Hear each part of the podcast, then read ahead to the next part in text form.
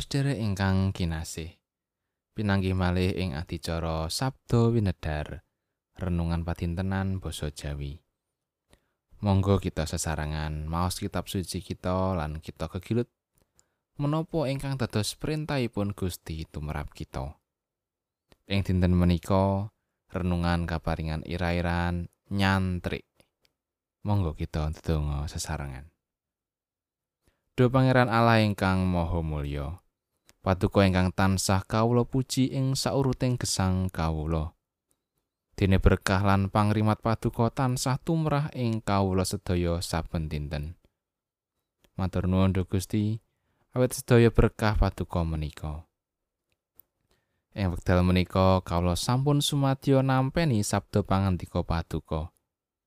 Mugi Gusti madangi manah kawula. kasagetna kawula mangertosi kersa paduka lan nindakaken ing gesang padintenan.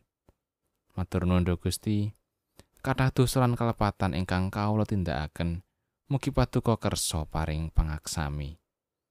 Sedaya pandonga panyuwunan kawula menika, kawula unjukaken linambaran asma Gusti kawula ingkang gesang.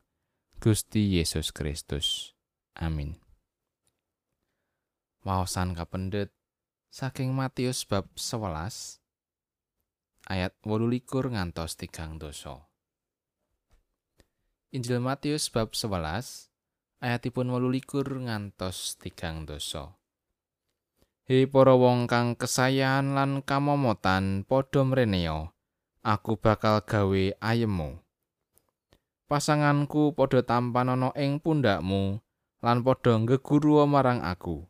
awit aku iki alus lan lembah ing budi teman kowe bakal padha oleh ayeming nyawamu amarga pasanganku iku kepenak lan momotanku iku enteng makatan pangandikanipun Gusti ayat nat singgih menika ayat 29 Pasanganku padha tampan ana ing pundakmu lan padha ngeguru marang aku. Awit aku iki alus lembah ing budi teman kowe bakal padha oleh ayeming nyawamu. Miturut cerosipun para sepuh, anggenipun tiang Jawi ing wekdal rumiyin sami prigel nyambut damel menika, jalaranipun nyantrik. Nyantrik menika sinau dhateng tiang sanes ingkang sampun dangu anggenipun prigel. Nindakaken kasagetanipun kanthi cara nderek nyambut damel kalian tiang menika ing wekdal ingkang dangu. ngantos piyambakipun saged ngayahi padamelan piyambak. Dados sotani, ngingah raja kaya, damel pirantining griya, prabot saking emas, seloka, kajeng utawi grabah. Kala rumiyin sedaya menika kawitan saking nyantrik. Mila cantrik mboten namung prigel nyambut damel utawi hard skill, ananging ugi ing bab kawicaksanan saha kawasisan nglampahi gesang utawi soft skill. Kanthi nyantrik, tiang gladi diri nulat ingkang dipun dereki ing babakan kajujuran saha kasaenan. Temah anggenipun nyambut damel saestu temen, saged kasil sarta migunani tumrap sesami. Makatan ugi waosan Injil dinten menika, para kagunganipun Gusti Allah kedawuhan sami ngetut wingking Gusti Yesus awit panjenenganipun menika juru wilujeng ingkang sejati. Kados dene tiyang ingkang nyantrik, tiang Kristen ingkang ngetut wingking Gusti Yesus ugi nguti sinau bab kawicaksanan saha kautamaning gesang. Perkawis menika mboten mokal, awit Gusti Yesus menika sang guru ingkang sejati, ingkang alus lembah ing budi. Mila saben tiyang ingkang purun sowan saha nulat sang guru sejati sami nampi prasetyan arupi ayeming nyawa. Anggen soan nyantrik sarta guru dhateng Gusti Yesus, estunipun kita ugi kedah cecawis lan sumadyo nampi pasangan kados dene lembu ingkang nyanggi pasangan supados saged namung manut dhateng benderanipun.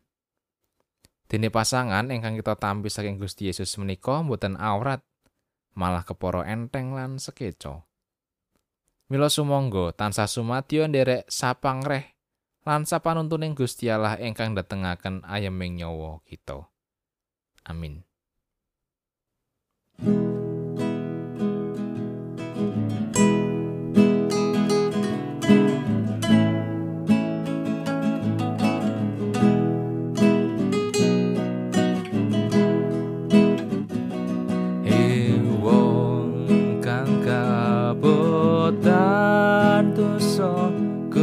Steve. Uksenono agung sepangapunten yo ring wong kang pracaya. Pracaya pracaya wong pracaya stikuoso, kas stikuoso, tu ar įsiroj.